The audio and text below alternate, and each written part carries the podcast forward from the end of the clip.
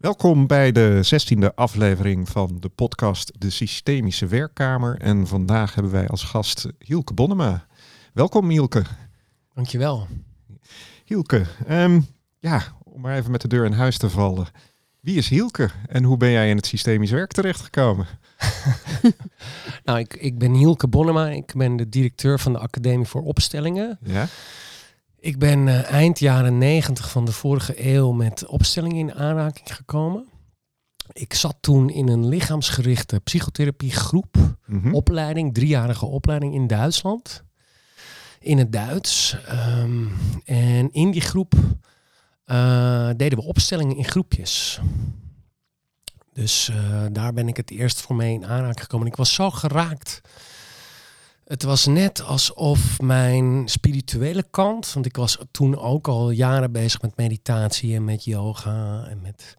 Ik had een guru ontmoet en allemaal dingen. En daarnaast was ik bezig met lichaamswerk en lichaamsgerichte psychotherapie en Reich. Heel erg over, over eigenlijk in je ego, in je lichaam, in je persoonlijkheid zitten.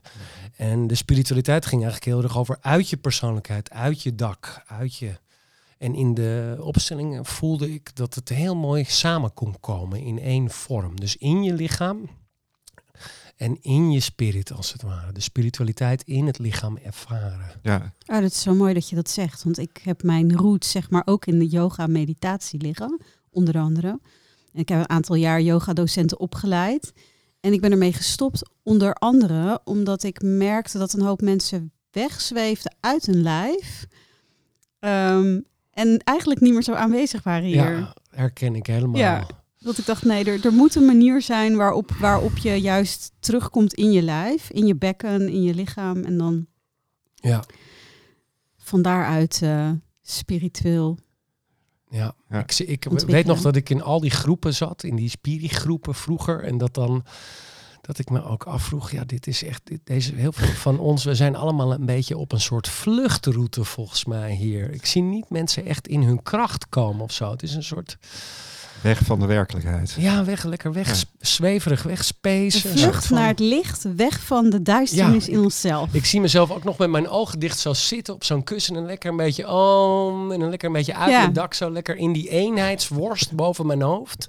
Dan hoef ik niet de pijn van mijn lichaam en de, het hier en nu aan te aan gaan. Te gaan. Nee, nee, dus uh, de spirituele weg was weg van de pijn, weg van het lichaam en vooral uh, niet Bypass. voelen. Gewoon lekker eromheen. Spirituele bypass. Goed, spirituele hele goed, goed idee trouwens. Het mag ook af en toe, doe ik nog steeds af en toe. Is, uh, even, even rust van, nemen. Even weg van de pijn. Ik denk ook dat het um, heel goed kan zijn om dat licht te ontdekken en daar iets mee te doen, om vervolgens uh, de duisternis aan te kunnen kijken. Ja. En daar ook naartoe te durven. En niet voor iedereen is die route zo. Hè? Het pad is niet voor iedereen op die manier, maar ik denk wel dat het een, een pad is.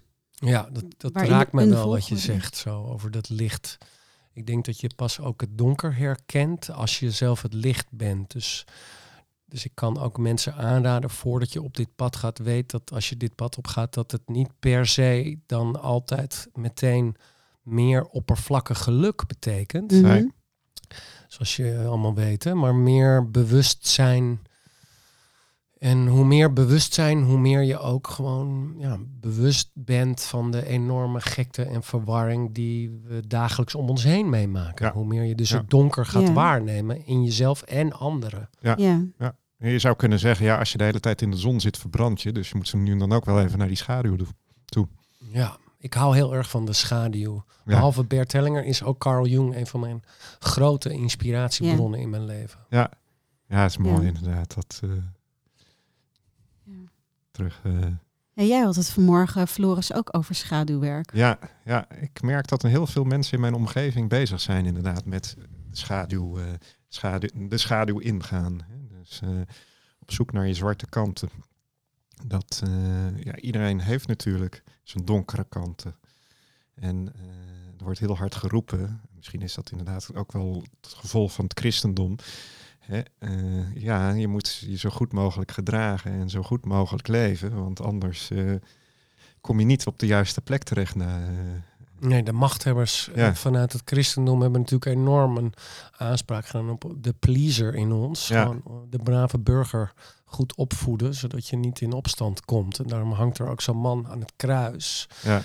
Een archetype van een soort levenloze mannelijke archetype. Ja. Die oorspronkelijk ook door de Romeinen juist gecreëerd is om het opstandige Joodse volk natuurlijk onder de duim te houden. Ja. Ja, dus hier gaat het ook weer over onderdrukking. Onderdrukking, eh, net als dat natuurlijk de yoga eigenlijk, als je dan in Shavasana ligt natuurlijk in de yoga, vergis je niet dat de yoga ook vanuit een onderdrukkende mannelijke arische Ja. Cultuur komt van een Ja. kastensysteem die ook bedoeld is om weer de machthebbers, de brahmanen dan in de macht te laten. Laten we Ja. eerlijk zijn. Ja. Ja. Dat, eh, En wat hebben we dan nodig, zoals jij daar naar kijkt, om die beweging te maken naar waar? dus als ik een hele brede vraag moet stellen. de vraag is dan eigenlijk, moet, moeten we een beweging maken? Ja. Of mag het er gewoon zijn? Het mag er gewoon zijn, maar ik denk dat die twee eh, paradoxale dingen in de werkelijkheid eh, één beweging Onderdeel kunnen 1 zijn. Ja. is. Ja. Dat natuurlijk die, ook al lijkt het in de lineair in ons hoofd twee verschillende bewegingen, is het natuurlijk hetzelfde. Ja. Dus ik denk dat het begint met te herkennen, de moed te hebben. Om te realiseren dat je zelf mede verantwoordelijk bent, mede Ja. creator bent. Ja. Vanuit je schaduw voor de oorlog om ons heen, de oorlog in je relatie. Dat je gewoon daar mede schepper van bent. En dat je ook dan omkijkt naar hoe waren mijn ouders eh, ook al schepper van dit. En mijn grootouders en mijn overgrootouders en mijn bedovergrootouders. Ja. Dus hoe is de soort culturele context waarin we nu leven, hoe dat je echt voelt, ja, dit- ik, ik, ik schep dit allemaal mede. Ik hoor Ja. hierbij. Het, het is ook van mij. Dus je zou kunnen zeggen, door het onderdrukken van onze schaduw, komt die in de maatschappij naar boven.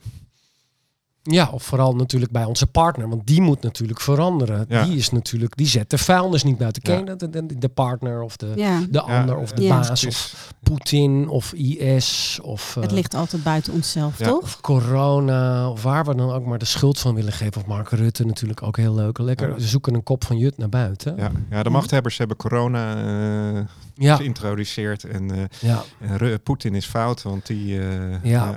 Terwijl- Nee, dus de, nee, precies. Dus de, het is heel belangrijk dat de, in het midden, zei de Boeddha al, ligt de waarheid. Dat je een soort, ik geloof niet in objectiviteit, maar wel in neutraliteit ontwikkelen. Dat je werkelijk een soort ziet, oké, wie, eh, aan- aan- voor wie dient dit verhaal? Ja, ja. Ja. Nou, voor mij is dat een beetje misschien het oordeel loslaten. Ja, het, het, het, het mag er zijn. Eh, en ja, het is er. Eh, er moet daar per se iets van gevonden worden. Mm. Moeten we een beweging maken of mag het er gewoon ook blijven? Ja, dat, eh, en ik denk dat dat vanuit een diepere laag komt daar vanzelf een beweging als het nodig is. Ja. Je kan in deze werkelijkheid niet zonder schuld. Je bent altijd. Dus ik, ik, ik vind het op zich helemaal niet. niet eh, ik ben op zich vrij van een oordeel over. over ja, voor een bepaalde kant kiezen en daarvoor willen Ja. vechten. Daar, daar ben ik vrij van. Maar wees dan eerlijk dat je een bepaalde kant kiest en dat je daarvoor vecht. Dat je waar we echt voor uit moeten kijken. En dat is echt door mijn eigen leraar Bert Hellinger. Heel, heb ik heel erg van hem geleerd. Dat is de, de oppassen voor de moraalridder, zeg Ja. maar. Ja. Ja. Nou ja, moraal heeft oordeel in zich natuurlijk ook. Hè? Heel Ja. sterk. Dus eh, ja, en die suggereert dat hij weet wat wel en niet goed is. Ja. Ja. Dus dat, Dat super-ego-complex, zoals Freud dat dan al noemde. Hè? ja. Dus de psychoanalyse is natuurlijk de voorland eigenlijk van systemisch werken. Mhm. Ja. Dus de, ik weet nog dat ik bij eh, John Pirakos was in Zuid-Frankrijk. Hij was een leerling van Wilhelm Reich in de lichaamsgerichte psychotherapie. Wat ook mijn achtergrond is voordat ik in opstellingen kwam. En dat ik nog heel erg leerde om die energie. Ik zag hier ook de boeken bij jou liggen hè, van Barbara Mhm. en Brennan. Dat ik heel erg leerde zien om in de aura dan die energie zo van het bekken zo. Dat die niet als kundalini-energie soort door de Sushumna zo, het centrale Mhm. kanaal omhoog gaat.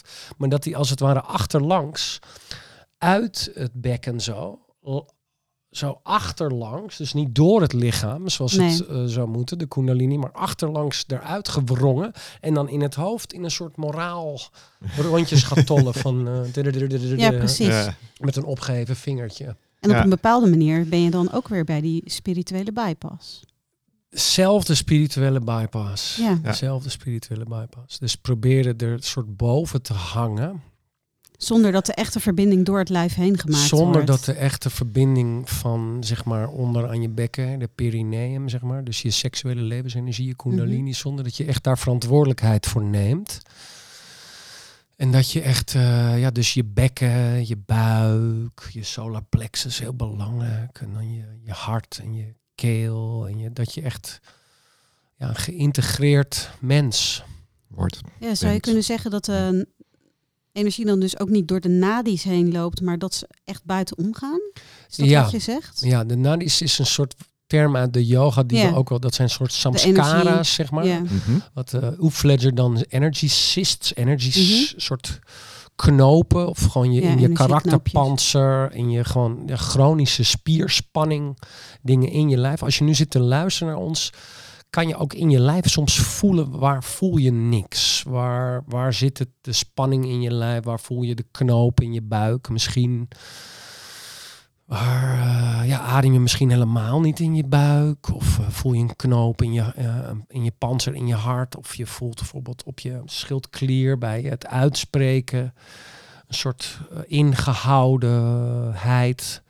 Ik heb ook heel veel met mensen met kanker mogen werken. Een tijd lang, vijf jaar geleden, heb ik met Henk Fransen en ook met Stefan Hausner samengewerkt. En heb ik zoveel van mogen leren over hoe dus uiteindelijk die transgenerationele trauma's vele eeuwen lang als het ware in ons systeem zitten. En hoe ze dan uiteindelijk tot die chronische soort blokkades kunnen Ja. leiden, waardoor zelfs de cellen in ons lichaam niet meer precies weten wat hun richting is. Wat we Ja. dan kanker noemen. Ja. Of Ja, andere precies. chronische ziekten, Ja. andere, andere auto-immuunziektes. Waardoor die cellen gaan, gaan woekeren en, en Ja, een heel ja, eigen ja. leven gaan leiden vanuit. Ja, Zou je dan kunnen zeggen dat het ook over het niet weten gaat? Dat onze cellen in een soort niet weten fase terecht zijn gekomen?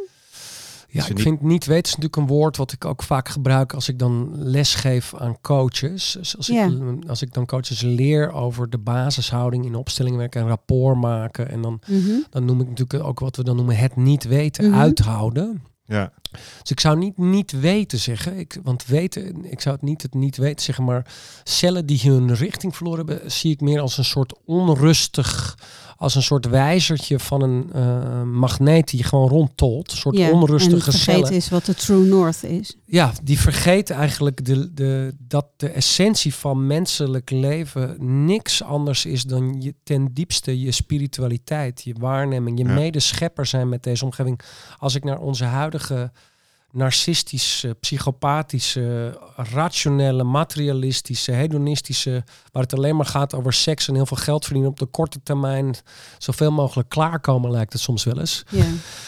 Tot het Ja. geld uit je oren spuiten. Ja, ik bedoel, eh, laten we eerlijk zijn. Laten we echt moedig en ik denk dat dat het allerbelangrijkste is. Laten we echt moedig en eerlijk zijn. Het, het, het voelt voor mij als een, als een richtingloosheid. Ja, als je Mm. kijkt naar die cel die dan niet weet, misschien zijn missie verloren. Wat, wat doe je in het lichaam? Wat is jouw taak in het lichaam of in het grotere geheel?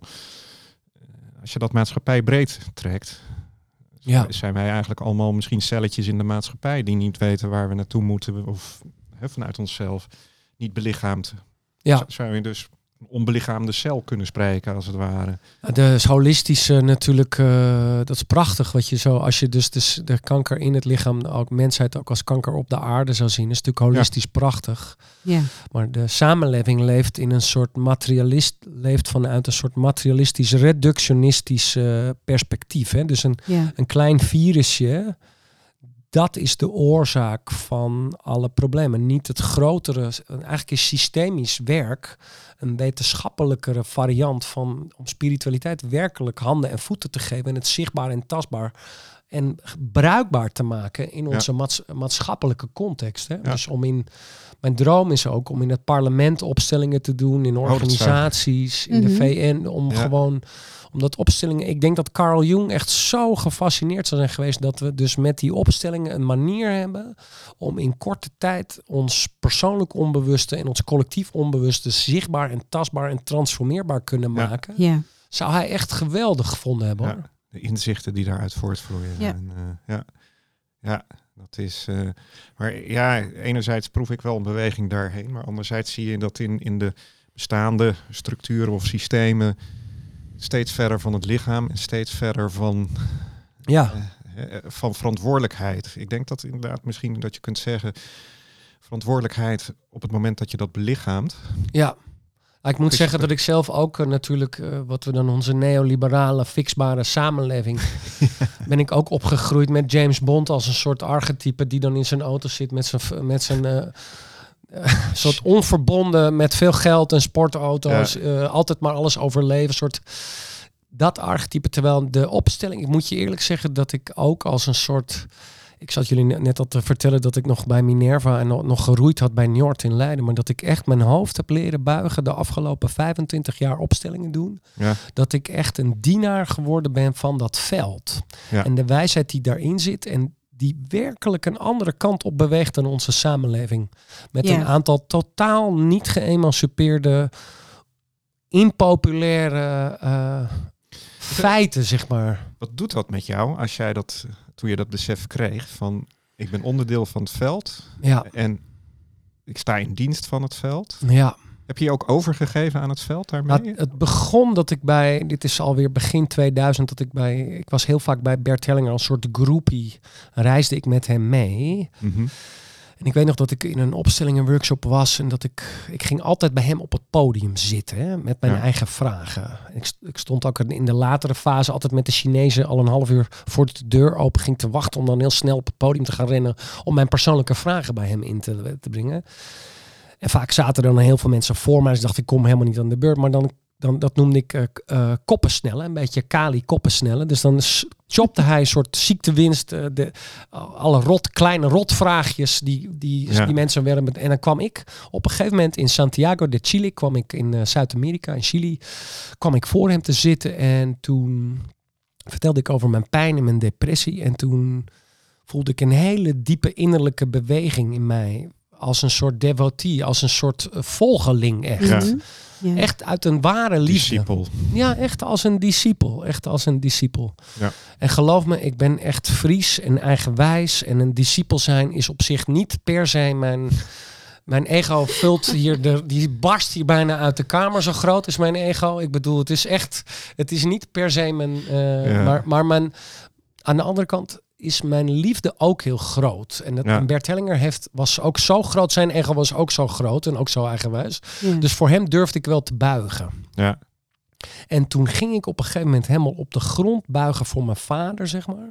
Mhm. Voor mijn vader zijn alcoholisme en zijn depressie en zo. En toen zei Bert buigen en toen boog ik niet een kleine buiging, maar omdat ik in mijn boeddhistische praktijk van meditatiepraktijk al geoefend had om helemaal te buigen, ging ik helemaal op de grond als het ware. Ja. Dus ik ging helemaal voorovergebogen rond en het was alsof een grotere kracht door mij heen kwam die mij helemaal als een soort devotee op de grond liet liggen en helemaal zijn als het ware helemaal ik ging helemaal in overgaan alsof ik bereid was te sterven want mijn vader Ja. wilde natuurlijk dood. Ja. Dus het eren van wat we dan in mijn school dan Kali noemen, oermoeder dood, of het, het echt die overgave, het durven loslaten en durven sterven, is wel een heel diep aspect geweest. Ja. Waarin ik dan mijn eigen ego in dienst heb gesteld van, Van, dit eh, veld. Ja. Ja. Dat is ook de reden dat ik hier met jullie zit. Mooi hoor. Ja, het is niet van het, het is niet, eh, eh, was niet, eh, hoe heet het, eh, zoals dat in Nederland, een nacht ijs, zeg maar. Het was niet, het is wel 25 jaar dag in dag uit. Het veld heeft mij niet voor niets dit werk gegeven, zodat ik iedere dag weer opnieuw zelf kan meeleren buigen. Dat is wel weer grappig dat je dan de quick, quick, quick fix, eh, aanhaalt die we hier in ja. de... Oh, ja. Nee, we gaan het wel regelen hoor. Toeslagaffaire, zo Ja. geregeld. Nee, dit is wel een. Dus ik, de, de uitnodiging is werkelijk om te oefenen in, eh, in buigen. Ik, ik heb Ja. heel veel respect voor mensen met echte pijn. En heb ook heel veel respect gekregen voor de pijn. En, de, en het is een hele reis. Als, jij, als jouw ouders eh, al in verwarring leefden. Mhm. En jouw grootouders in verwarring leefden. En jouw overgrootouders in verwarring leefden. Om dan. dan moet je wel als het ware stapje voor stapje door al die lagen heen, zeg maar. En de, de oude druides hadden ook... eh, Iedereen mocht trouwens druïde worden vroeger, hè? Wist je dat Ja. in de Keltische Ja. tijd? Ja. Vrouwen, Ja. slaven, maakt niks uit. Het was helemaal gelijkwaardig. Maar je, het vergde wel twintigjarige opleiding. Je startte natuurlijk als een Bart, Ovaat, Ja. druïde. Nee, precies. Dus De zanger. pad. Nee, precies. Ja. Ja, Dat, eh, ja, mooi. Hey, en daar vertelde je ook iets over de net. Tenminste, eh, dat je heel dicht aan ligt tegen dat druïden zijn? Of, of dat dat je heel erg raakt? Of dat dat jouw basis is? Ver- Vertel Ja. daar eens iets over hoe dat jou raakt. Of, Ja, nou, dat is wel een bijzonder verhaal. Want ik, ik eh, eh, landde in. eh, ik zat in het vliegtuig en ik landde met het vliegtuig in Berlijn. Voor mijn eerste workshop in Berlijn. En toen had je zo'n moment dat je je telefoon weer mocht aanzetten. De wiel op de grond, piepen. En dan sommige mensen klappen. En jij kent het wel in het vliegtuig. Ja. En toen. Toen eh, deed ik mijn telefoon open en toen was zo bling, eh, je resultaten zijn begint. Ik had namelijk een DNA-onderzoek gedaan. Niet zo handig, want dan hebben die grote bedrijven vaak weer toegang tot je Ja, DNA. Een klopt. beetje onhandig, maar goed.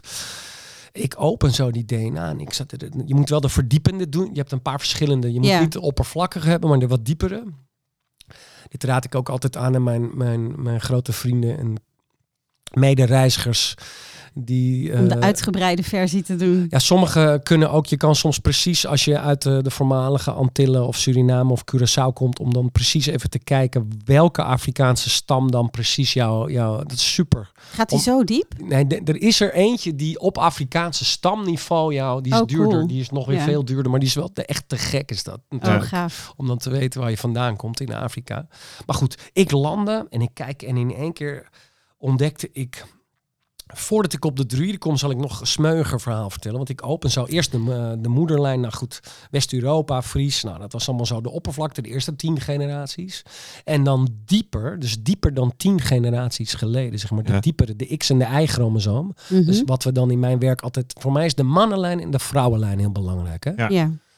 In, mijn, eh, in de opstellingen hebben we ontdekt dat de mannenlijn, en dat is dan, dat is, betekent je vader, je opa, je overgroot. Dus echt wat je, en als, als vrouw, moeder, overgrootmoeder, hè, dat is dus eigenlijk de X en de Y-chromosoom. Hè? Mhm. Ja. Dus ik open zo die ding en ik kom ten eerste, kom ik in één keer open, ik, jeetje, mijn moeder, en in één keer komt daar bovenaan te staan. Ik zal het nog niet verklappen, want mijn moeders familie, dat waren NSB'ers in de oorlog. Hè. Mijn opa was Ja. een landwacht. Ja. En mijn opa zijn broers hebben beide bij de WAF. Mijn opa had eh, drie broers. Mhm.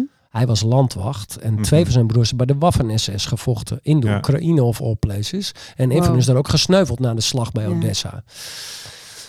Ah, dat is een van de redenen waarom ik ook eh, opsteller geworden ben. Omdat Ja. mijn opa aan de ene kant was een verzetstrijder. Ja. Mijn, in, de va in de mannenlijn. En mijn opa, in mijn moeders vader, was een NSB'er. Ja. En Waffen-SS. Dus dat, dat die twee Dus bij wat komt elkaar er dan brengen. samen? Wow. Ja. Wow, ja. Ja. Dus ik open zeg maar die moederlijn en in één keer zie ik bovenaan Askenazi-Joods. De grootste groep. Ja. Met allemaal andere groepen daartussen waar dan ook Joods bloed in zit. Druzen Ja. en Koerden en België, Antwerpen. En Mhm. Dus in één keer realiseer ik mij tot mijn grote... In één keer gaat mijn hart slaat, een, mijn hart slaat zeg maar een, een slag over. En ik voel alsof ik voor het eerst iets zie wat mijn hele leven 100% is weggepoetst. Ja. Dus Ja. ik kom een verborgen verhaal tegen. En mijn hele leven voel ik al, wie ben ik eigenlijk? Wat is nou mijn plek? Waar kom ik nou vandaan? Nou, jij bent geadopteerd, dus je hebt Ja, Hè, dan ja, kom je, zit je in een en dan heb je ook nog een kleurtje Ja. en dan zit je in deze Ja. blanke, nee, dus Maatschappij. in deze Ja. maatschappij. En denk je, mm. en ik, bij mij was zo, het was zo, het raakte me zo. Ik dacht altijd van, Had je ook het besef dat je in Berlijn landde op dat moment? ja, nee, enorm. Berlijn is Ja. natuurlijk van oudsher ook echt een Joodse places. stad. Ja. Echt, Ja. Ja. de, ja, van maar de waar Joods, ook de, de bakermat van, van Ja. eh, de Ja. jodenvervolging. Ja, nou de bakermat van Joodsvolk ligt eigenlijk meer in München, in Zuid-Duitsland natuurlijk. Om- Als je de, ik ben echt een enorme Ah. geschiedenisfreak. Ik weet Ja. alle, ik heb ontzettend veel geleerd erover. Ja. Maar wat ik me realiseerde was dus dat als jij dus iets van binnen niet eert van jouw voorouders, als je dat niet durft te zien en te eren, dan ga je dat in het hier en nu haten. Want wat Ja. bleek nou? Van het jaar 900 tot het jaar 1600 zijn de Joden, die zijn, de, er was een Joods koninkrijk waar nu eh, Irak en Iran liggen. Dat was Mhm. vroeger een Joods koninkrijk. Daar moesten ze vluchten. Toen zijn ze met boten helemaal, toen zijn een gedeelte van hun in Portugal terechtgekomen, de Sefaridische Joden. En een groot gedeelte van hun zijn in het Rijndaal in Duitsland gaan wonen.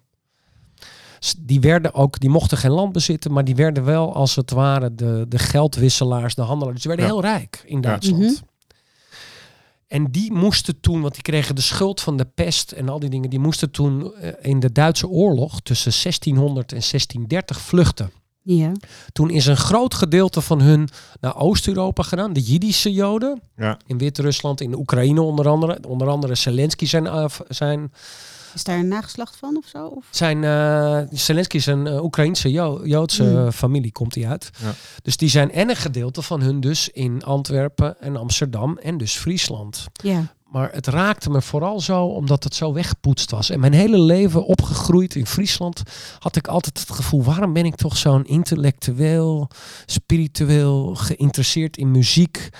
Uh, chageraar. Waarom? Uh, en nu ik zelf Joods ben, mag ik dat gewoon over mezelf zeggen. Ja. Ik, bedoel, ik bedoel, ja, nee, als je dat Ja, dan zelf mooi. bent, mag je dat dan over zeggen. Ja. Waarom ben ik toch zo'n, zo'n, zo'n, zo'n, waarom ben ik, heb ik van die pianovingers? Wat, wat, Ja. wat, wat maakt dat ik niet zo'n, Oh, misschien moet ik ook maar dat onderzoek gaan doen.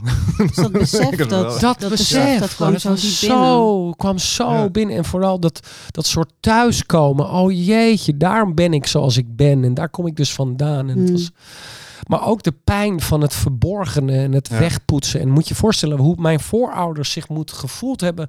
dat ze hun eigen ouders of grootouders of kinderen niet hebben mogen vertellen over wie ze waren of hun Ja. religie of dat je het hebt moeten weg. Hoe pijnlijk dat is Ja. eigenlijk. Ja, Ja. Dat is helemaal traumatiserend natuurlijk voor een hele bevolkingsgroep. Traumatiserend trauma. Dus dat Ja. trauma, als ik dan. Nu mijn moeder, als ik mijn moeder hierover zie, die, die, die vertrekt dan helemaal een soort van. Ik kan het niet aan gewoon. Wat kan zij niet aan dan? Dan dit soort, dit soort gesprekken, zeg maar, over de oorlog of Ja. over. Ja. De, heel veel mensen willen gewoon een soort streep door het zand. Ja. We hebben het er niet over. De geschiedenis bestaat niet meer, alleen maar hier en nu. Maar Ja. Dat is de generatie van onze ouders. Hè? Als ik, Ja, eh, maar ook de samenleving waarin we leven, een soort rationeel, die denkt dat, die denkt dat je de- de- alles is Ja, ik noem het dan groeit de uit het verleden. Ja, Ja. de Dat we denken dat het allemaal maakbaar is. klopt. En je mag vooral geen pijn lijden, niet doodgaan en eh, enge Nee. dingen mogen niet. En eh, alles Nee. moet zacht en, en eh, fluffy en weet ik veel wat zijn. Maar- Ja, Ja, en, en is, ook eh, je, je moet je grootste potentieel leven zonder Ja. dat je eigenlijk geleerd wordt wat dat dan betekent en waar dat dan zou mogen zijn. Ja. En dat dat dan, hè, dan kom ja. je eigenlijk wel weer op dat hele materialistische stuk waarin, ja, waarin alleen dat er mag zijn. jij in je lichaam, in het nu, in het overleven van je, in een soort overlevingsdrift. Ja, En de andere kant was dat mijn, ik opende daarna ook mijn vaderlijn en toen bleek dat ik 80% van mijn mannenlijn deel met mannen in Ierland, Wales, Schotland, Bretagne en Galicië. Dus in één keer voelde ik ook daar een soort, oh, daarom ben ik hiermee Zo'n bezig. Ja. Een soort- ja. Daarom vind Ja. ik ook die Hindoes en dat, dat Hindoe zo leuk. Want dat is ook een soort, komt uit diezelfde Keltische achtergrond. Die Arisch-Keltische, die, Ja. die, die Ariërs zijn gedeeltelijk zo Noord-India binnengetrokken. Hebben daar de grond gelegd voor Hindoeïsme. En die zijn gedeeltelijk, de Kelten zijn toen ook in 1500 voor Christus zo, zo of 2000 ja, Europa binnengetrokken. En ik voelde in één keer, wow, dat is wie ik ben. Ik ben een klein, klein, klein, klein, klein, klein, klein zoon in de mannenlijn ja van mooi. druïden, zeg Ja. maar. Dat Ja. is waarom ik dit doe. Is zo mooi En dan dat... heb je de muziek weer Ja. en De je hebt de muziek inspiratie en het en de intellectuele dans stuk. En, de intellectuele stuk. En dan, ja, ik was, het was voor mij zo. Die diepere, die, die soort diepere opstellingenlijnen hebben me zoveel inspiratie en nieuwe kracht gegeven. Alsof je een soort Ja. schat, schatten ontdekt. Ja. ja, mooi dat dan inderdaad die informatie jouw systemisch op je plek zet. Hè? Ja, Dus dat jij echt veel meer je plek kunt innemen helemaal waar. op het moment dat dat, dat Ja, naar Ik weet meer wie ik ben. Ik voel ook letterlijk als een soort boom dan mijn wortels. En ook mijn focus, letterlijk gewoon zakelijk de focus.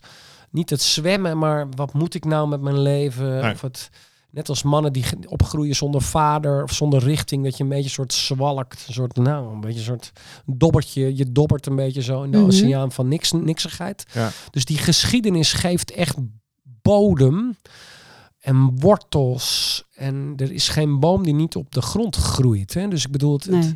het geeft echt, er is niks wat niet groeit uit de geschiedenis. En als je de Nee. geschiedenis niet kent en herkent, dan zul je keer op keer dezelfde fouten blijven maken. Dan blijf je Ja. een soort van in cirkeltjes. Dat is toch ook een beetje draaien. Ja.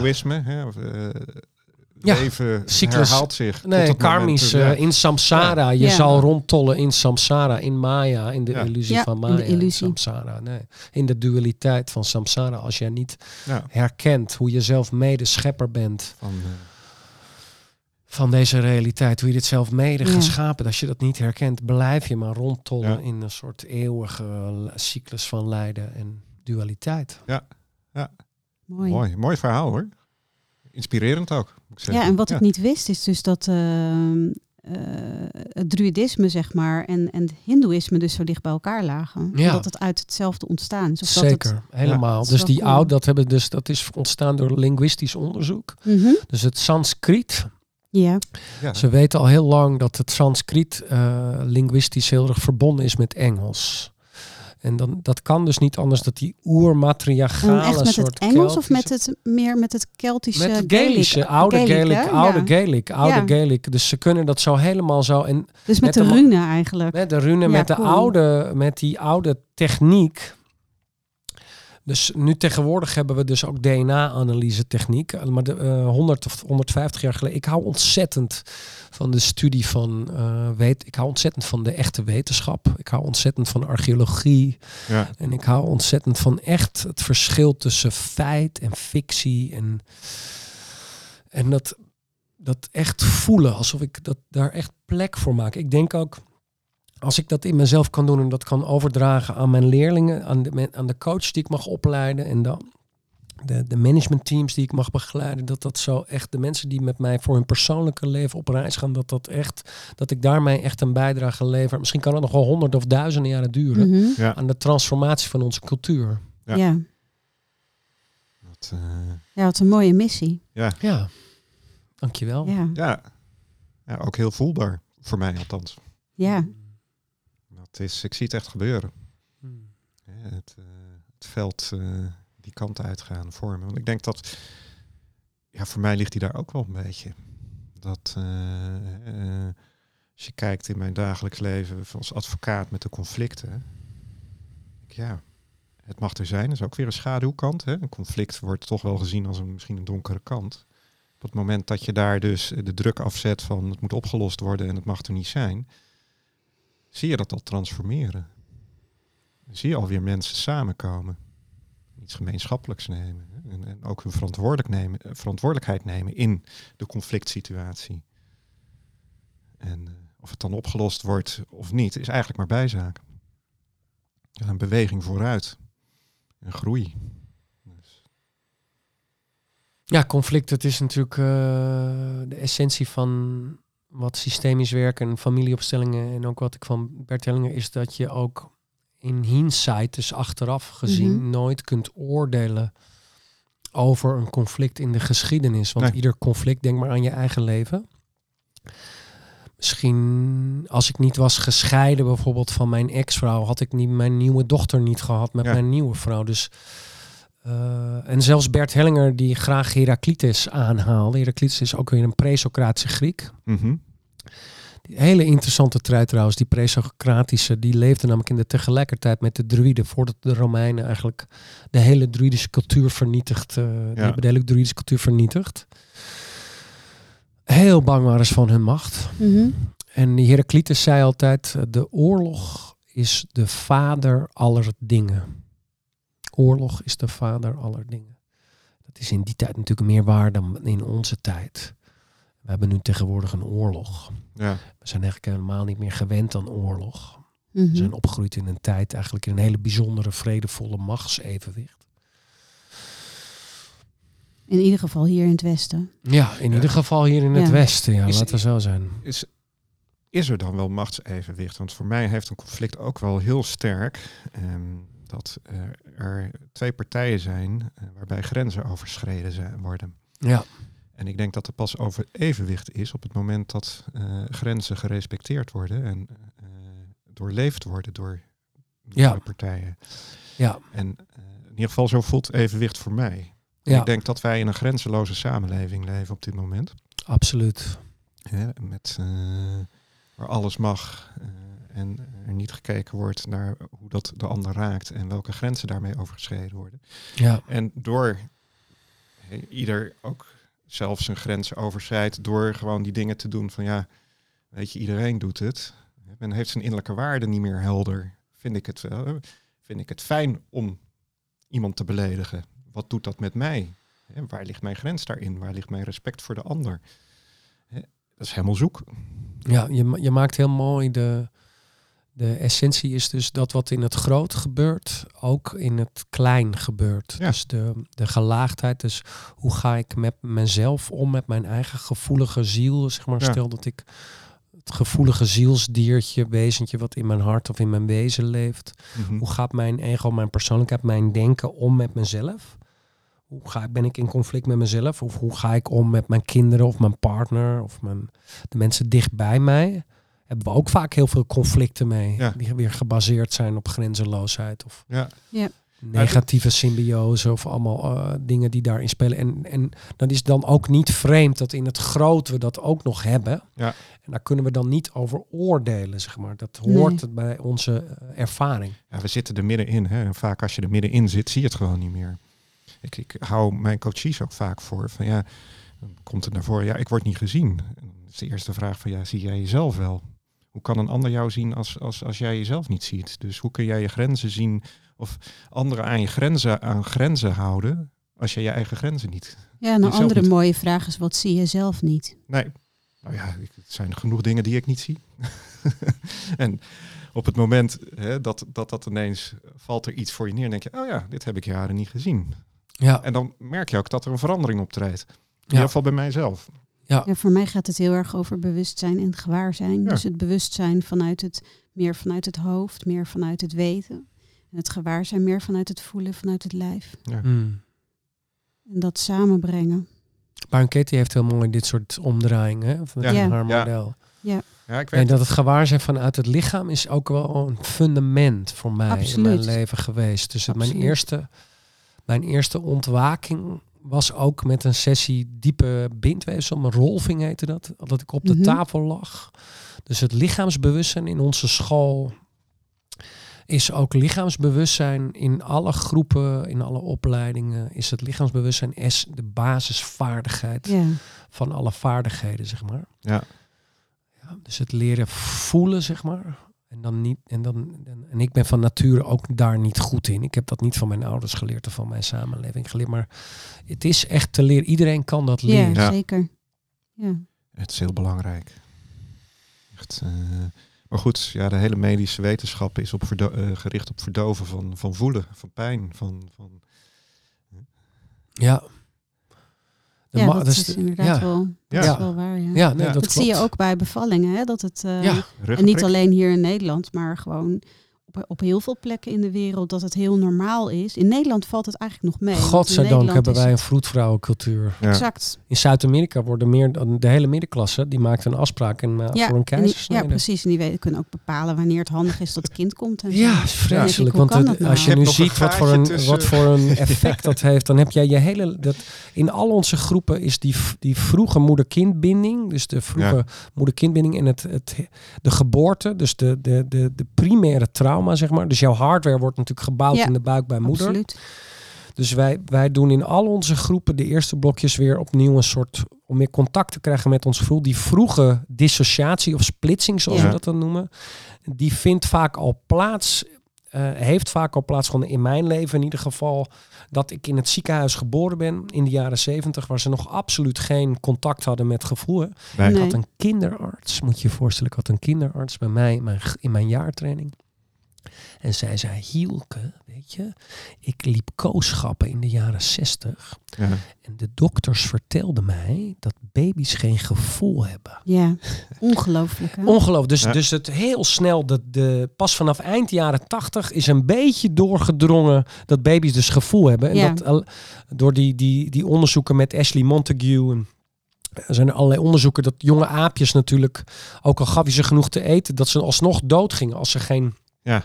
Ja. Dus, dus ik voel, eh, zelfs als we hierover praten, voel ik nog Ja. in mijn lichaam zo hier dat mijn navelstring te snel is doorgeknipt. Ja. Dat ik niet bij mijn moeder op de borst gelegd ben. Nee. Dat kan ik allemaal. Dus die op- verlating als baby. die Maar- verlating. En dan ik kan heb het je nog steeds zo verkrampt voelen. En dat Ja. ik, ik krijg bijna zin in een joint of bier. Of ik Om moet het verdoven. Help, ja. help. Een soort, Ja, Ja. het is... eh, En dan heb je natuurlijk nog het geboortetrauma wat eigenlijk plaats moet vinden. Dus Ja. zeg maar, hè, eh, de keizersnee is, is een heel kunstmatig iets. En in, nou, laten we vooropstellen dat er echt wel geboortes zijn waarin het misschien niet anders kan. in eh één van de negen van de tien geboortes zijn geen medische conditie. Nee, 90% van de geboortes zijn een natuurlijk een proces. natuurlijk proces. Heel fijn, een Ja. enorme transformatie. Ik heb het drie keer in bad thuis mogen meemaken.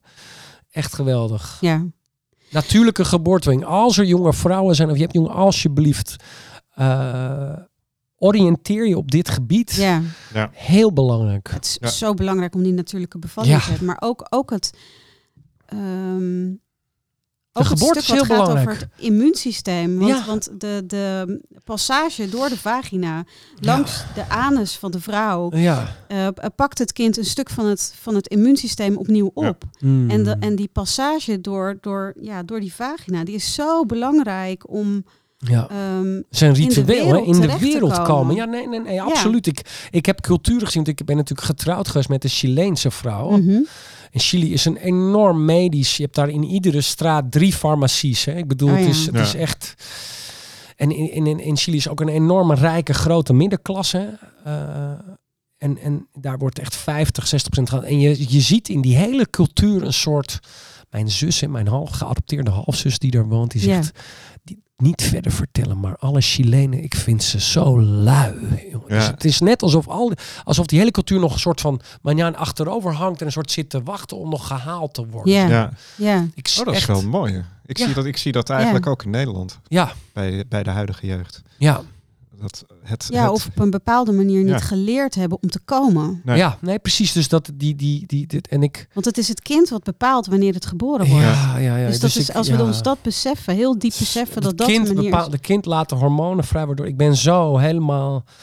In mijn tijd als lichaamsgericht psychotherapeut in de eind jaren 90 was ik helemaal gespecialiseerd in die prenatale herbeleving als Gaaf. essentie van trauma en Ja. essentie. En, en ook omdat ik tot op heden toe in mezelf, als we het hier zo over praten, jongen, ik, ik voel echt een kramp in mijn buik Ja. van die vroeger moeder-kind. Ja, Ja, maar zo, een beetje die rebirthing. En, Ja, dat doen wij in de groepen.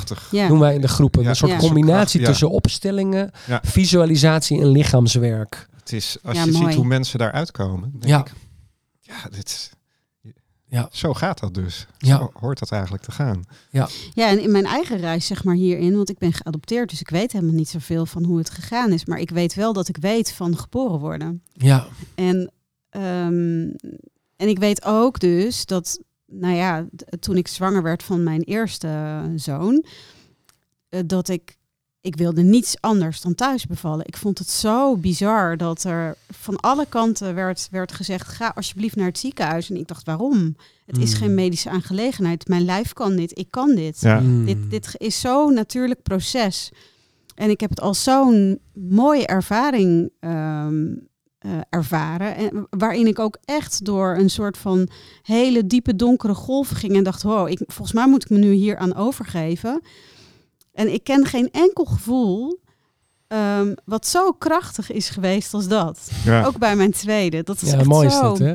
Die kali, Ja. dat die, die, die golven van die weeën dan in het vrouwenlichaam zo Ja, bijzonder is dat inderdaad. Echt Ja. een transformatie. Als je dat niet meemaakt, hè, alle vrouwen, al die jaren die ik heb mogen begeleiden, die dat niet hebben mogen meemaken, is echt belangrijk om dat wat, wat we dan noemen sublimeren of daar een vorm voor te vinden. Daar niet overheen te stappen, die pijn. Hoe bedoel je, pijn die, die vrouwen die om zijn dat inhaalervaring te geven de eigenlijk. vrouwen met eh keizersnee? Of, Nee, Ja. vrouwen die, Bijvoorbeeld. keizer, nee, maar ook vrouwen die bijvoorbeeld om wat voor reden ook kinderloos Ja. gebleven zijn. Ja. Dat, dat je die pijn echt voor jezelf neemt, zeg maar. Dat je niet er overheen stapt, want dan Ja. bevind je jezelf in één keer in een diepe depressie of een Ja. Belangrijk om, om te beseffen dat het een grote pijn is die aandacht nodig heeft, een ritueel en opstellingen. En dat dat, dat, dat echt een. Dus, om je plek als moeder in te nemen. Is het daar essentieel voor? Zou Ja, je je je plek plek als vrouw. Als oermoeder, ja, het Ja. archetype Ja. van de moeder in jou Ja. te ontwaken, zeg maar. Dat je ook die, die, wat, die, ja, die, die, natuurlijk, er zijn psychologieboeken volgeschreven over de hysterische baar, de hysterische vrouw, de hysterische baarmoeder. En de, Ja, Maar dat je echt die onrustige baarmoeder een plek geeft om die energie, die kundalini te transformeren. Dat je er echt heel bewust als een yogi mee werkt, zeg Ja. maar. Ja. Heel belangrijk. Ja, en leert waarnemen wat daar gebeurt. Wat er Ja. in je lijf is. en Ja. naar luistert. Ik voel hem nog steeds. Als we het hier over hebben, jongen, mijn buik en mijn spanning in mijn, mijn soort. Die vroege moeder-kindbinding is bij mij echt niet. Ik zat toevallig gisteren met mijn kleine meisje. Ik heb nog een kleine nakomer. drie, hè, zei Van je? drie. Ja. Ja. Ik heb er. Ik heb drie grote en, ehm, en nog een kleintje. En die, die, we hebben met die kleintje een aantal dingen goed kunnen doen die we met die grote wat minder goed konden doen. Tweede kans. En wij zaten nog naar babyfoto's van mij te kijken. En ik lig er zo soort van in shock. Zie je mij helemaal zo mm, in die babyfoto's. Ik kan het Ja. nog voelen. Dus dat is misschien nog van gisteravond ook een Ja. beetje. Een van de dingen die we ook gedaan hebben, want je hebt in die vroege moeder-kindbinding, in al onze groepen doorleven wij zeg maar deze, dus de jaartrainingen hebben altijd een aspect dat gaat over het leren van het coachvak. Daarnaast Mhm. hebben alle jaartrainingen ook altijd een ding dat gaat over dat we weer opnieuw een stuk uit. Dus we beginnen altijd de jaartrainingen, de processen met geboorte en we eindigen altijd met sterven. En we gaan Ja. dan zo de hele levenscyclus af, zeg maar. Mooi. En een heel belangrijke stap na de geboorte is dus die vroege imprintfase van het kind met moeder. Ja, En een van de dingen die we gedaan hebben, dat heet elimination communication, heet dat. Die we met onze nieuwe kindje, die, dit is allemaal op konto van mijn vrouw te schrijven. Ik ben een man en ik kan Ja. stoere, ik kan stoer erover praten. Maar wie zijn eigenlijk, wie dragen natuurlijk eigenlijk de samenleving? De moeders en de vrouwen Ja, natuurlijk, ja, laten we ja. eerlijk zijn. Hè? Dus, eh dus over- Maar niet zonder de mannen. Nee, Nee. correct. Maar wel, laten we wel eerlijk zijn, daar is wel. Ik, Nou, de dragende energie die ligt bij de vrouw. Klopt, Ja. klopt, klopt. En ehm, dat elimination communication is heel bijzonder, want dat komt van de natuurvolkeren. Misschien ook zelfs jouw moeder. Want ik, ik zal nooit vergeten dat ik een vrouw uit Bangladesh die geadopteerd was in Zweden. Moet je voorstellen, in dat koude Zweden. Ja. Ik zag haar in, ik, ik deed toen opstellingen, 15 jaar geleden, in een soort spiritueel centrum in Zweden. In uh, Engelsbakken heet dat, het No Mind Festival. Organiseren een soort spiritueel festival waar Baron Katie komt en Krishna Das en zo. En toen zag ik haar voor het eerst zo, had ik haar moeder opgesteld op een blaadje, want dat was een, een individuele sessie die ik gaf. En ik zag haar zo staan zo met haar Zweedse man en ik zag haar zo helemaal voor het eerst zo helemaal zacht worden zo en helemaal zo in die ja. omhulling, want ze was natuurlijk meteen na geboorte, in dit geval was ze meteen na geboorte uh, door het adoptiebureau meegenomen. En ik kon zo voelen dat ze zo thuis kwam. Dat was zo bijzonder mm. om te zien als je dat zo dat verhaal vertelt. Mooi. Integreerde. Ja, en in die elimination communication, wat ik echt alle jonge vrouwen kan aanraden, daar leer je eigenlijk niet je kind in de beluier plassen. Want er is geen natuurvolk op deze planeet. Sowieso zijn doet. natuurvolkeren nee. zijn mijn grote inspiratiebron die, die, er is, je moet je voorstellen, die vrouwen in Afrika die dan die kindjes meedragen, dan hebben ze misschien tien kindjes. En dan die, zo'n kindje poept en plast echt niet uh, die mooie uh, sarong of die mooie ja. jurk nee, onder, onder hoor. Die, nee. die, die vrouw voelt, dat babytje geeft een soort signaaltje. Ja. ja. Leert op een andere manier voelen en ja, waarnemen. En die, dat baby geeft signaaltje, daar reageert die moeder op. Dus het is een soort non-verbale communicatie van lichaam tot lichaam, resonantie, rapport.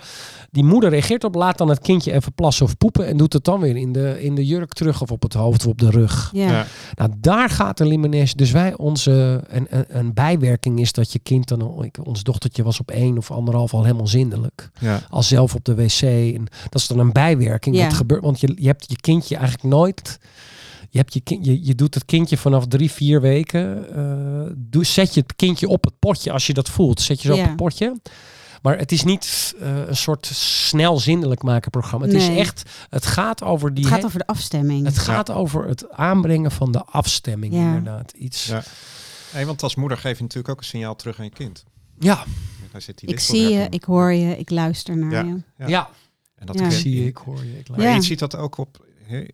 Voel je. op latere leeftijd. Ja, of misgaan moet noemen. Maar de binding tussen ouder-kind, vader-zoons, Ja. moeder-dochters. hè, Ja, We gooien eh, ze een Ja. school in, dan moeten ze allemaal naar de juf luisteren. Maar het Ja. begint nog eerder. Hè? Ja. Het begint met het kind apart laten slapen. ja. Ja. dat doen wij dus ook niet. Want het kind slaapt bij ons, zeg Ja. maar. Nee, dat kind apart. Als ik ook dan mijn babyfoto's van gisteren.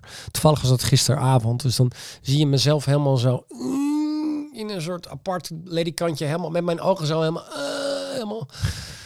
Ja, echt. eh, Ja, mijn, mijn ouders Ja. hebben geleerd om ons vooral te laten huilen, want dan stoppen Ja, ze, leren ze Spock. te stoppen. Ja. En dus de Ja. hele generatie voor 1988, gefeliciteerd.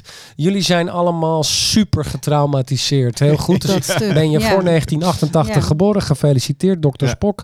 Allemaal ernstig gedissocia- eh, Ja, dissociatie Maar zelfs, en Hielke zelfs daarna nog. Want Ja. Onze oudste zoon die is in 99 geboren. Ja. Ehm, en de hele omgeving die vond het echt belachelijk dat wij bij ieder kikje, bij ieder huiltje, bij ieder dingetje even naar ze Ja. toe gingen. Oh ja. Dat vonden Ja, ze echt gewoon niet ik, heb oké. daar, ik heb mij er zelf ook schuldig aan gemaakt. Ja, ik niet. Dat, Nee. dat Ja. hè, van, vanuit, hoe heet het? Maar eh, ja, Ja. als je kijkt naar de medische wetenschap. ten die halve zit- gekeerd dan Ja. ten hele gedwaald. Ja. Hè? Laten we Nou, dat helder zeker. zijn. Niemand heeft Het schuld. gaat niet maar- over. Nee, maar, maar meer goed, ik- over. Nee, nee, nee. Hè, dat je ze van eh, eh, ja, niet zien in de behoeften die ze eigenlijk Ja. uiten. Van ja, weet je, want ze Ja. moeten zelfstandig worden. Ja, wat is zelfstandig? Dat is eh, in, in de rij meelopen en vooral niet eh Ja. naar buiten. Ja, hoe drill je ze dan? Door Ja. En daarna doet zich dan een ander proces voor. Jij raakte het al aan. Dan heb je dus die moeder-kindbinding. Dan is, Ja. komt vader in beeld. Want hij is de Ja. eerste ander, zeg maar, aan de hand Mhm. van vader. Bert zei altijd tegen ons...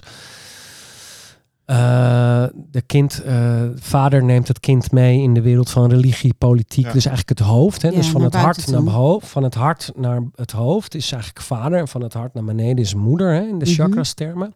Dus aan de hand van vader ga je zo de wereld in. Dus als je je vader toen gemist hebt emotioneel, dan mis je dat ook. Hè? Ja, dat is Ja. ook de Shakti Shiva bewegingen. Precies. Dat de, de bindoes, zeg maar, de oorspronkelijke na, bindoes, de, de rode en de blauwe bindoe, die zich, als je geboren wordt, gaat de mannenenergie, die extrapoleert de witte bindoe naar boven en de vrouwenenergie, de rode bindoe, Ja. naar onder beneden. Als je weer sterft, laten die twee bindoes weer los. Los.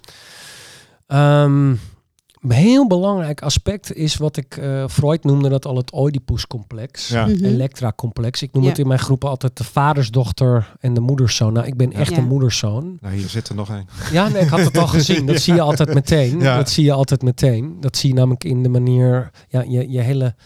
In mijn geval als moederszoon, dat, dat ik, wat ik bij jou ook zie, dan, dan zie je een soort van... eh, kijk naar mij mama, hoe leuk ik ben. En Ja, je hebt een ja. soort geleerd om extrovert Ja. aandacht in, in, in die... En vergis je niet, een kind groeit in de ogen, in het bewustzijn van de ouder. Ja. Dus onze hele ego-structuur als een soort eh, frivole valse zelf, hè, noemde Dwight Mhm. Winnicott dat. Hè. Die, Winnicott super, echt goede psychotherapeut.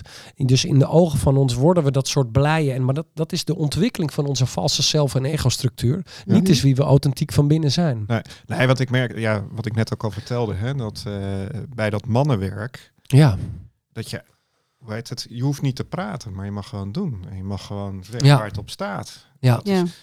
Oeh, ja. spanning. Hè, weet je, dan merk je van, ja, oh, ik hoef niet mijn moeder meer te pleasen. Nee, in, In precies. de zin van, eh, en, Ja, eh, ik ben zo blij goed? dat het tegenwoordig, Ja. dat het, vroeger was er geen droogbrood mee te verdienen met dat mannenwerk. Nee. Maar de laatste jaren zie ik allemaal eh, mannengroepen Steeds met meer Sascha, met Ralf Ja, en en het met grappige is- en- Je hoort ook in de, in de relatie, hoor je dan een vrouw die zegt, ja, die vinden daar ook weer rust bij. Dus Ja. bij een man die zijn vrouw als moeder ziet en kijkt is van, ja, kijk, doe ik het zo goed? Hè? Zie Nee, precies. Dat is ook heel mooi, want de luisteraers kunnen het niet zien. Maar Floris die maakt ook hele mooie non-verbale bewegingen. Ja, Echt van de moederszoon eigenlijk Ja, ja, ja, nee, Het is precies. prachtig om te laten Precies. zien. Ja. Ja. Dus Ik zie ook altijd de vadersdochters, want nu hebben we het over moeders, maar de vadersdochter zit ook altijd vooraan bij mij in de groepen. En die zitten dan ook altijd zo heel actief te luisteren. Kijk papa, kijk nou naar mij, doe ik het goed? Ja, Ja. ja. Dat zijn vaak van die ca- carrière georiënteerde vrouwen. Doet ook altijd pijn. Ik heb ook mijn hele leven naast mijn eh jaartelling in het bedrijfsleven gewerkt. ja. En heb ik allemaal succesvolle carrièrevrouwen ontmoet. Weet je dat al die vrouwen mij unaniem verteld hebben dat ze, als ze weer opnieuw hun leven mochten leiden, dat ze altijd zouden, niet meer zouden kiezen voor deze carrière, omdat het, de prijs te hoog is geweest. Ze, hebben, ze hebben eigenlijk spijt van dat ze hun, moeder, hun moederschap, hun vrouwelijkheid, eh, eigenlijk eh, ondergeschikt hebben gemaakt aan hun mannelijkheid. Ja. Mhm. En ze zijn een mannelijk spelletje mee gaan spelen om een soort aanzien en vader en allemaal dingen uit hun familiegeschiedenis. Dus een van de dingen waar ik zou van zou dromen is dat we weer opnieuw de manwordings- en vrouwwordingsceremonie zouden terug eh, Ja, krijgen. Maar dat is, het is wel Ja. een beweging die, die ik zie eigenlijk. Als ik kijk, hoe heet het, naar, naar mijn eigen training daarin. Dat die helemaal overtekend is. En dat je wat je zegt, hè, je ziet overal mannenwerk. Eh, de vrouwen hebben die beweging denk ik al eerder gemaakt. Maar dat je ook vrouw mag zijn en man mag zijn. En dat je inderdaad weet eh, dat je eh, niet hetzelfde bent, maar wel gelijkwaardig en complementair aan elkaar. Hè? Dus dat je ook hoe heet het, elkaar kracht kunt geven. Ja. Maar zoek ook je eigen geslacht op. Ja, nee, mannen, mannen groeien met mannen en vrouwen groeien met vrouwen. En het, Maar dat begint eigenlijk al met die manwordingsceremonie. Ik heb zelf mijn zoon nu. Ik doe bijvoorbeeld met hem aan ijshockey. Ik ben dan assistentcoach en assistenttrainer. En dan dat, die soort krijgerarchetype, om koning te kunnen worden, moet je eerst Ja. krijger worden. Ja. Dus jij en ik zijn bezig nu ons panzer weer zachter te laten worden. En Ja. ons hart te voelen. Dat is de levensfase waarin wij zitten. Maar voor jonge mannen is het ook belangrijk om eerst panzer op te bouwen. Ja. Ja. Want ja, ik, ik je ego-structuur kun je alleen maar opgeven als je er ook eentje hebt. ja. Als je een soort eh, zacht ei bent, hè, Ja. Dan, dan een soort, eh, ja, vroeger had je ze in Duitsland zo, de zachte ei-complex. Hè? Ken je dat? Nee, ik ken het Duitse niet. zachte ei-complex. Nee, Nooit Nee, gehoord van nee. het Duitse Nee. zachte het ei-complex? zacht Nee. gekookte ei. Ja. Het zacht gekookte ei-complex in Duitsland. Nou, in Duitsland had je dus in de jaren zeventig allemaal van die zacht gekookte eieren. Allemaal van die sanyasin mannen en eh, Ja. allemaal van die softe, zacht gekookte eimannen. Weet je, een soort... eh, en Eh, dat maakt kwam... Hielke de beweging. Ja, zacht precies. gekookte, zacht gekookte eiman. En dat, dat kwam omdat ze niet meer trots mochten zijn op het krijgerschap van hun Mm. vader en hun opa. Ze eerden niet meer de mannenlijn. Zeg Nee. maar. Ze mochten niet meer. En vergis je niet, de Duitsers hebben echt keihard met man en macht gevochten tegen grote overmacht. Ja. Mag ook nooit Ja. gezegd worden, maar eh, de- de- jullie weten allemaal eh, de geschiedenis. Als je goed naar de geschiedenis, het is belangrijk om de geschiedenis te bestuderen. Mhm. Ja. Dat we hebben de Tweede Wereldoorlog gewonnen dankzij de Russen. Ik wil het even toch nog een keer zeggen. Dankzij Russisch bloed. Ja. Ze hebben Ja. 10 miljoen van hun soldaten opgeofferd. En 10 miljoen Russische burgers. Aan het oostfront is de, de Tweede Wereldoorlog beslist. Aan het westfront zijn maar misschien 200.000 slachtoffers gevallen. Of misschien nog minder. Maar goed, significant vele... We hebben het altijd over D-Day en de Amerikanen. Maar het is allemaal weer een soort propagandafilm...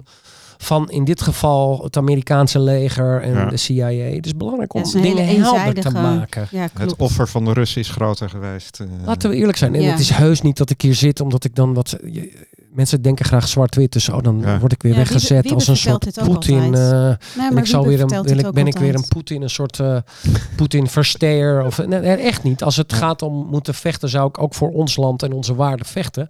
Maar ik, ik, ik voel mezelf niet een soort moraalridder die boven de Russen, boven of boven de Nee. staat. Nee, laten we eerlijk zijn.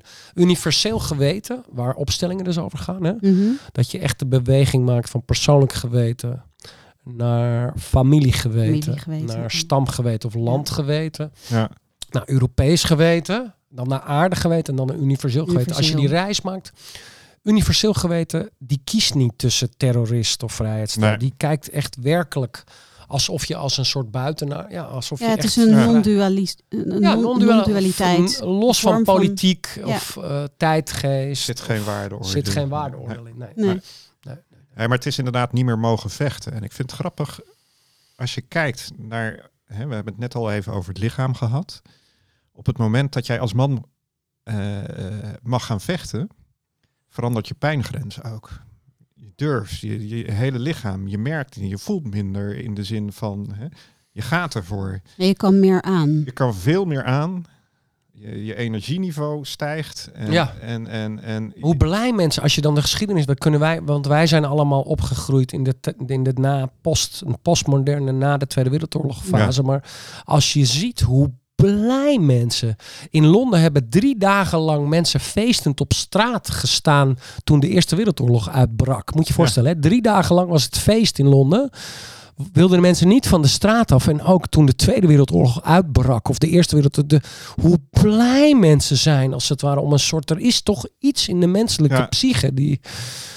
Kunnen wij ons bijna niet voorstellen. Maar Nee. Het grappige is, ik zat ehm, bij de inval van de Oekraïne met mijn jongste zoon, zaten het journaal te kijken. En het eerste wat hij zei, ja, ik wil gaan vechten. Ja. Ik wil, ik wil daarheen. Ik, ik, ik, ja, ik wil niet doodgaan, zei hij er dan nog wel bij. Maar Ja. Ik wil, dus daar gebeurt iets. Ja. Ik denk, Dat is een heel diep archetype natuurlijk. In die manwordingsceremonie. Ja. Je moet je voorstellen dat overal op de hele wereld in natuurvolkeren... de normale manwordingsceremonie was natuurlijk dat jij meeging met de mannen op de jacht. Op de Ja. jacht. Ja. En heel veel onderdelen van die... Een onderdeel van de belangrijke manwordings... Je moet je voorstellen dat vrouwen hebben de dood in zich. ja, Vrouwen hebben de dood in zich. Vrouwen die hebben door de maan... Op het moment dat een jonge vrouw vrouw wordt... dan heb je door de maancyclus en door de ongesteld worden... dat bloeden, heb je iedere... Iedere maand heb je als het ware de dood en daarna de miskramen en de Ja. zit de dood als het ware in jou. Wij mannen, in de mannenpsyche zit iets heel dieps van het willen zoeken naar die dood. ja, ja. In die manwordingsceremonie zie je dus ook vaak dat jonge mannen op zoek naar hun totem dan alleen de rimboe ingaan. En altijd kwamen 10% van de jonge mannen niet meer terug. Hè? Mhm. Nee. Ja. Daarom hebben ook 22.000 jonge mannen zich aange- vrijwillig aangemeld voor de Waffen-SS natuurlijk Ja. in de Ja. Tweede Wereldoorlog. Dat is niet Ja. zomaar een soort... ja. Ja. en Nee. ik denk dat we dat, eh, om, om toch maar weer ook weer even een haakje te pakken, het mag er niet meer zijn. Hè? Je, mag, je mag als man niet meer willen vechten. En, en, en er zit er toch een soort Ja, oerdrang in, bewijzen. daarom geniet ik zo van die ijshockey met mijn zoon. Ja. Ja. Ja, ik, doe, ik doe crossfit met mijn oudste. Nee, en precies. Is ook zo van, ja, even de Ja. power eh, nee, voelen. precies. Ja, nee, precies. Ja. En eh, je geeft, eh, je geeft je zoon zo nu dan ook een beuk. Ja, nee, precies. Ja, dat is... eh, Mijn zoon is nog goalie ook. Dus ik schiet dan zo'n pukje op mijn zoon, zeg maar. Heel hard. Geweldig. Ja. En hij is dan die dat, is echt archaïs. is, eh, Hoe oud is jouw zoon? Mijn zoon is 11. Elf. Ja. Het is eh, Nee. niet zonder eten naar bed, maar dan mag je een half uur langer in de kool staan. En dat, Ja. dat is ook heel goed op zich. Ja. Zou dat heel goed zijn voor onze kinderen om af en toe eens voordat het licht wordt in de kou buiten te staan en dan wachten tot het licht wordt om dan de, de respect te hebben en dankbaar te zijn dat je het licht mag zien Ja. worden en dat Ja. je dan de warmte van de zon voelt. Of een keer een dag zonder eten en drinken en een beetje. Ja, af en toe een dag vasten. ik Ja. doe dat zelf ieder jaar altijd. In het voorjaar doe ik eh, niet vast of cleansen. Of, dat is Mhm. echt warm aanbevolen. ja. Ik zag jou al op je horloge kijken. Dan word ik altijd een beetje... ja nee. er, zit, er komt ook nog een lunch aan dadelijk. Oh ja, dus, eh, Ja. Voorlopig nog niet. Ja. Nee, Nee, over negen minuten. Ah, oké. dat is... eh, nee, maar het is eh, nee, Ja. ook een beetje zo, omdat eh, het is weer zo'n podcast die gewoon zichzelf... eh, ja, hè, de- Ja, het is een mooi maakt. gesprek wat zichzelf Ja, ja, aandient, Ja. wat er is. Ja, dus Ja. dat is... eh, nee, het was zeker niet onder een eind. Nee, maar meer dat ik Ja. dacht, hey, ik, ben, ik geniet ontzettend ook van Ja. de, de liefde en de wijsheid voor het vak. En Nee, maar het is, mensen. ik, ik denk, eh, ja, we zitten eh, we hebben hier met drie, drie mensen die, eh, die boven zich uitstijgen. Misschien, of in ieder geval eh, de energie die, eh, die hier vrijkomt, eh ja, super mooi. ja. Maar misschien zijn er nog dus dingen die we willen delen met onze luisteraar. Ik ben in ieder geval heel dankbaar Ja. dat je als luisteraar to- zo lang dat je de moed hebt gehad om, Om te luisteren. om te en te luisteren. ja. blijven. En te Ja. blijven. Dat je al zo diep. En, en soms is het juist ook in het opstellingenvak. En Bert Hellinger was daar ook een mooi voorbeeld van. Niet zozeer een exercitie of overdracht die van hoofd tot hoofd plaatsvindt. Maar vooral dat je die dingen meeneemt waarin je geraakt bent. Bert, Ja. Bert kon zelf ook soms heel stellig uit de hoek komen. Later zijn dat een soort dogmatische, rigide dingen geworden. Die in mijn, in mijn, in mijn nieuwe opstellen niet een plek hebben. Maar dat je dus ook soms juist heel stellig en, en om dan in jezelf te voelen, waar raakt het mij nou? Ja. Ja. Ja, Waar ben ik nou geraakt? Ja. En, en dat je vooral ook als coach de moed hebt om niet die pleasende mama's jongen Nee. of eh, papa's, zoon, papa's dochter. Maar dat je echt heel oprecht durft vanuit je jouw echt te zijn. Te zeggen wat je te zeggen hebt Ja. in, je, in je basishouding als coach. Ik Ja. denk dat dat heel belangrijk is. Ik Ja. ervaar dat trouwens in dit gesprek met jullie ook. Ik Dat is- ervaar ook die verhoogde Ja. staat Ja. met jullie op dit moment. Maar misschien zijn er nog dingen die jullie Ja, want, mij eh, willen vragen voordat we het- gaan afronden. Je had het net over het nieuwe opstellen. je noemde het al een beetje. Wat is voor jou het nieuwe opstellen dan? Nou, dat is een inspiratie die ik van, persoonlijk van Bert Hellinger heb ontvangen. Ja. Ehm, ik heb zelf een van mijn grootste inspiratiebronnen eh, in, mijn, in mijn werk zijn mijn. Ik heb, een, eh, ik heb twee keer een abortus moeten meemaken. Oké. En eh, dat, dat, ik voel nog altijd een soort diepe pijn in mijn wezen, zeg maar, een soort kerf op mijn ziel, ook als ik het er nu over spreek. Maar ik voel ook dat die abortus door mij heen Ja. wijsheid wil brengen op het gebied van seksualiteit in onze pornografische samenleving en de Mhm. enorme verwarring die ik daarin heb meegemaakt Ja. met mezelf. En ook mijn, ja, de seksuele energie en de, daar op een goede manier mee omgaan. En niet alleen maar, niet alleen maar seks om klaar te komen, maar dat je echt die seksuele energie een beetje bij leert houden Ja. zodat je met die energie ook manifestatiekracht hebt. En een van de dingen die ik in het begintijd met opstellingen had, is dat ik dan met die, dat ik, ik heb echt eh, meer problemen gekregen door opstellingen, door de klassieke vorm van opstellingen, omdat ik eigenlijk nog een soort, sub, er zat in de oude opstellingen, zat nog die subtiele katholieke oordelen zaten daar Mhm. nog in. Voordat Bert Hellinger met zijn nieuwe vrouw begin 2000 dat had. Ja. En toen werd er bijvoorbeeld gezegd, abortus is moord.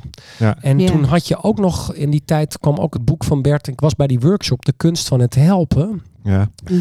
En toen re- vertelde Bert ook een verhaal. Hij zei, weet je, ik ben nu net twee weken heel erg ziek geweest, zei hij.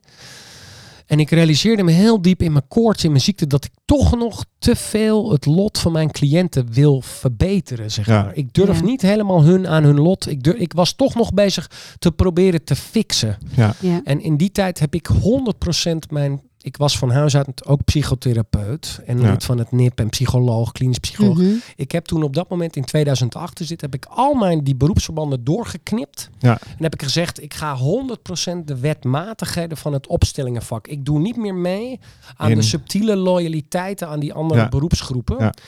En ik ga de weeffouten die in het klassieke opstellingenwerk zitten vanuit de dualiteit van de katholieke kerk, ga ik loslaten. Ik had zelf namelijk meegemaakt hoe ik ex, hoe ik als het ware extra schuld in een soort schuldtrip terecht was gekomen. Ja. Door die eh, opstelling eh, bo- abortus is moord. En het ging Ja. niet over de moord, het ging over dat je het echt eert en een plek geeft en Ja. dat je bereid bent de pijn te zien. Dus ik ben helemaal weg van het fixen Ja. naar alles is precies perfect zoals het is. Dus teruggeven rituelen doe ik eigenlijk niet meer. Nee. Ik ben, het, gaat, hoe, het gaat erom hoe verhoud ik me in de essentie met mijn systeem. En daar hoef ik niets in te verbeteren, zeg maar. Ik kan niet meer mijn geschiedenis verbeteren, Veran- veranderen. Ik kan niet een perfecte moeder of een perfecte vader Nee. creëren. Ik moet, me, ik moet helemaal de pijn en de ellende van mijn lot en mijn bestemming omarmen. Ja. Los Ja. van het fixen. En die, dus ik, ik heb in het nieuwe opstellen onder inspiratie, 100% inspiratie. Het is een woord wat Bert zelf heeft bedacht. Ja. Dus ik, ik ben in die zin een, gewoon een loyale devotee aan hem. Volgens mij komt onze lunch er. Oh, lekker. Ik heb ook Ik wel ga- zin om wat te eten. Even, even, Praat vooral even verder. ja. ja. heel goed.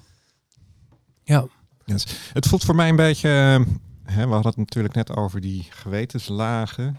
ja, Dat je een beweging naar boven maakt. Als we het even zo mogen Ja. eh, hè, Ja. visualiseren. In de zin van... ja, Waarbij eh, het, het kleinste systeem onder Ja. en, en de grotere systemen boven Ja. staan. Ja, Ja, ik merk die behoefte bij mezelf ook wel hoor. Want als ik kijk, ik ben dan lid van de Orde van Advocaten.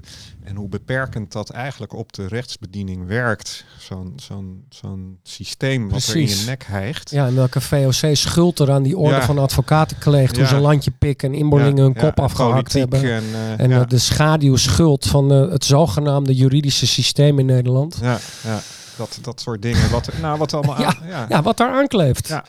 Dat is... eh, Hoe je eh, krom lult, eh, of recht lult wat krom is. Snap je? Dat hebben ze echt heel, daar zijn ze honderd jaar bezig geweest om die VOC een soort eh, landje pikken, recht, eh, eh, juridisch Ja. recht te breien, Ja. zeg maar. nou, nog steeds. Ja, nog, nog steeds steeds. kunnen ze dat niet aankijken. Hè? Nee, dat nee, is, nee, nee, nee, nee. terwijl daar Collectieve schaduw is dat. Ja, ja.